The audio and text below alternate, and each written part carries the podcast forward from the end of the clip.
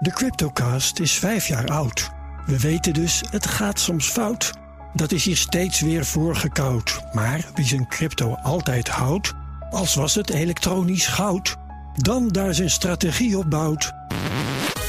Te lang dit. Luister gewoon naar de Cryptocast. Elke dinsdag crypto-nieuws op BNR.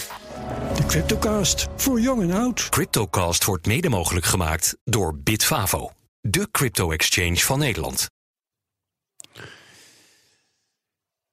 Iedere woensdag spreek ik Marcel Beerthuizen van sponsoring adviesbureau Big Plans over ontwikkeling op het terrein van sport en economie. En Marcel, voor vandaag kunnen we daar zeker ook wel aan toevoegen: maatschappij. Ja, zeker. Ja, dit onderwerp is wel vaker teruggekomen. Het is toch echt een trend is dat aan het worden, hè? Ja, en het onderwerp uh, leent zich nu weer voor een discussie... omdat de Franse international Antoine Griezmann... Ja. afstand heeft genomen van zijn sponsor, zijn persoonlijke sponsor Huawei. Ja, dat is best opvallend. Hè. Hij, hij is ook speler van Barcelona.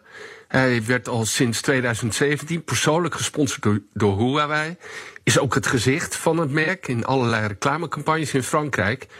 Maar goed, er is, dat is al langer bekend, maar nu is Huawei er ook bij betrokken. Dat de Oeigoeren, hè, dat is een, een, een Turks volk dat in China leeft, dat die in de gaten worden ge, uh, gehouden met uh, gezichtsherkenningssoftware. En die zou door Huawei geleverd worden. Uh, sterke vermoedens zijn er. Maar Griezmann zegt, ja, met zo'n bedrijf wil ik eigenlijk niets te maken hebben. Ik stop daarmee. ik ik ver, verbreek mijn verbindenis met hun. Ik wil daar niets mee te maken hebben. En dat is natuurlijk best opvallend. En wat je dan ook ziet, als een bekende sporter zoiets zegt, dan gaat het ook meteen de hele wereld over. Hij is ook zeker niet de eerste die dat doet. Ook niet op dit onderwerp, specifiek de Oeigoeren. Want we hebben ook al de Turkse Duitser Mesut Özil gehad... Ja. die uh, voor Arsenal speelt of uh, vaak op de bank zit, maar dat er zeiden. Wat deed hij? Ja, hij speelt bijna de laatste set helemaal niet. En er zijn zelfs mensen die zeggen dat het hiermee te maken heeft. Een jaar geleden kwam hij ook met een tweet om aandacht te vragen aan de, aan, aan de Oeigoeren. Uh, het is dus een Turks uh, uh, volk, nou, Özil. En, en, en het zijn moslims, dat is Özil ook, en een Duitse Turk. Uh, maar Arsenal wordt gesponsord door Chinese partijen. De wedstrijd Arsenal-Manchester City zou toen ook uitgezonden worden op de Chinese tv. En die zeiden, ja, we gaan dat nu niet doen. En die zeiden zelf, uh, die, die uitzendorganisatie... het zou beter zijn, Arsenal, als je Özil zou verkopen.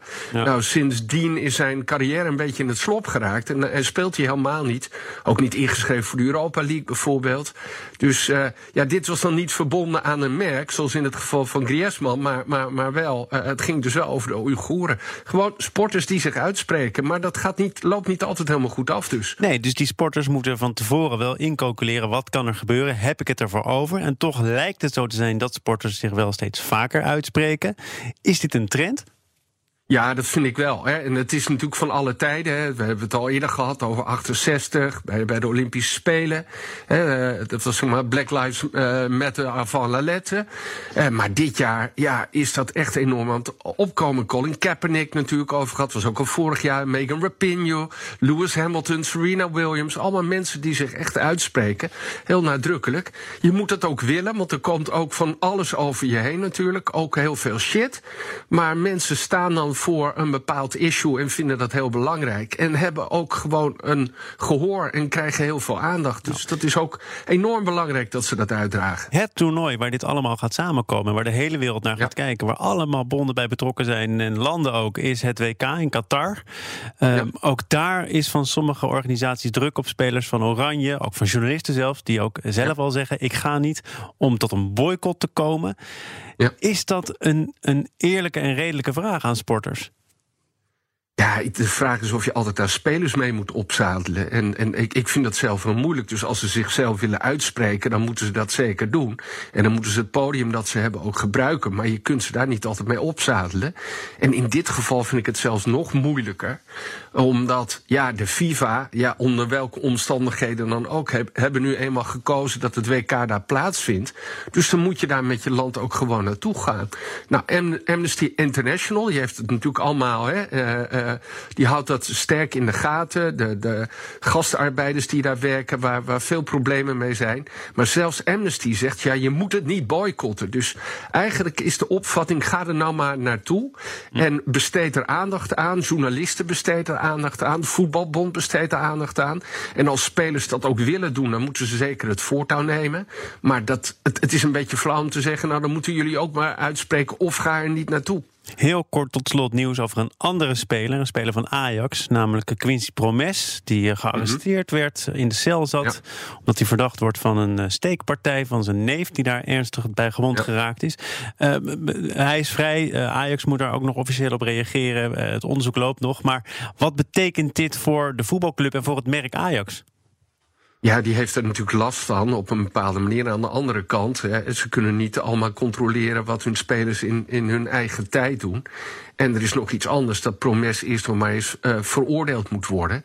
Maar het, het zijn natuurlijk wel delicate uh, situaties. Als, als club heb je ook een zorgplicht. Hè? Hij is gewoon een werknemer. Er is veel in hem geïnvesteerd, dus 15 miljoen voor hem be betaald. Hè, dat, dat is maar voor een deel pas afgeschreven. Dus uh, ja, hier moet je ongelooflijk zorgvuldig mee uh, omgaan. Uh, nou, eerst moet er maar eens onderzoek komen. Uh, of het meteen een enorm negatieve impact heeft of het, op het merk Ajax, dat valt wel mee, denk ik. Dat is, heeft ook alles te maken hoe ze reageren hoor. De beurswaarde ging heel even omlaag, maar dat is nu alweer bijgetrokken. En uh, ja, dit is, dit is wel een delicate kwestie. Dit kan gebeuren en moet je als club gewoon oplossen. En ja, wordt hij veroordeeld, niet veroordeeld? Wordt hij wel veroordeeld, dan heeft hij waarschijnlijk ook gewoon weer recht op een tweede kans. En uh, ja, dat is aan Ajax om dat op een goede manier op te lossen. Marcel Beerthuizen van uh, Big Plans. Dankjewel voor deze week. Tot de volgende. De Cryptocast is vijf jaar oud. We weten dus, het gaat soms fout. Dat is hier steeds weer voorgekoud. Maar wie zijn crypto altijd houdt, als was het elektronisch goud, dan daar zijn strategie op bouwt te lang dit. Luister gewoon naar de Cryptocast. Elke dinsdag crypto nieuws op BNR. De Cryptocast, voor jong en oud. Cryptocast wordt mede mogelijk gemaakt door Bitfavo, de crypto-exchange van Nederland.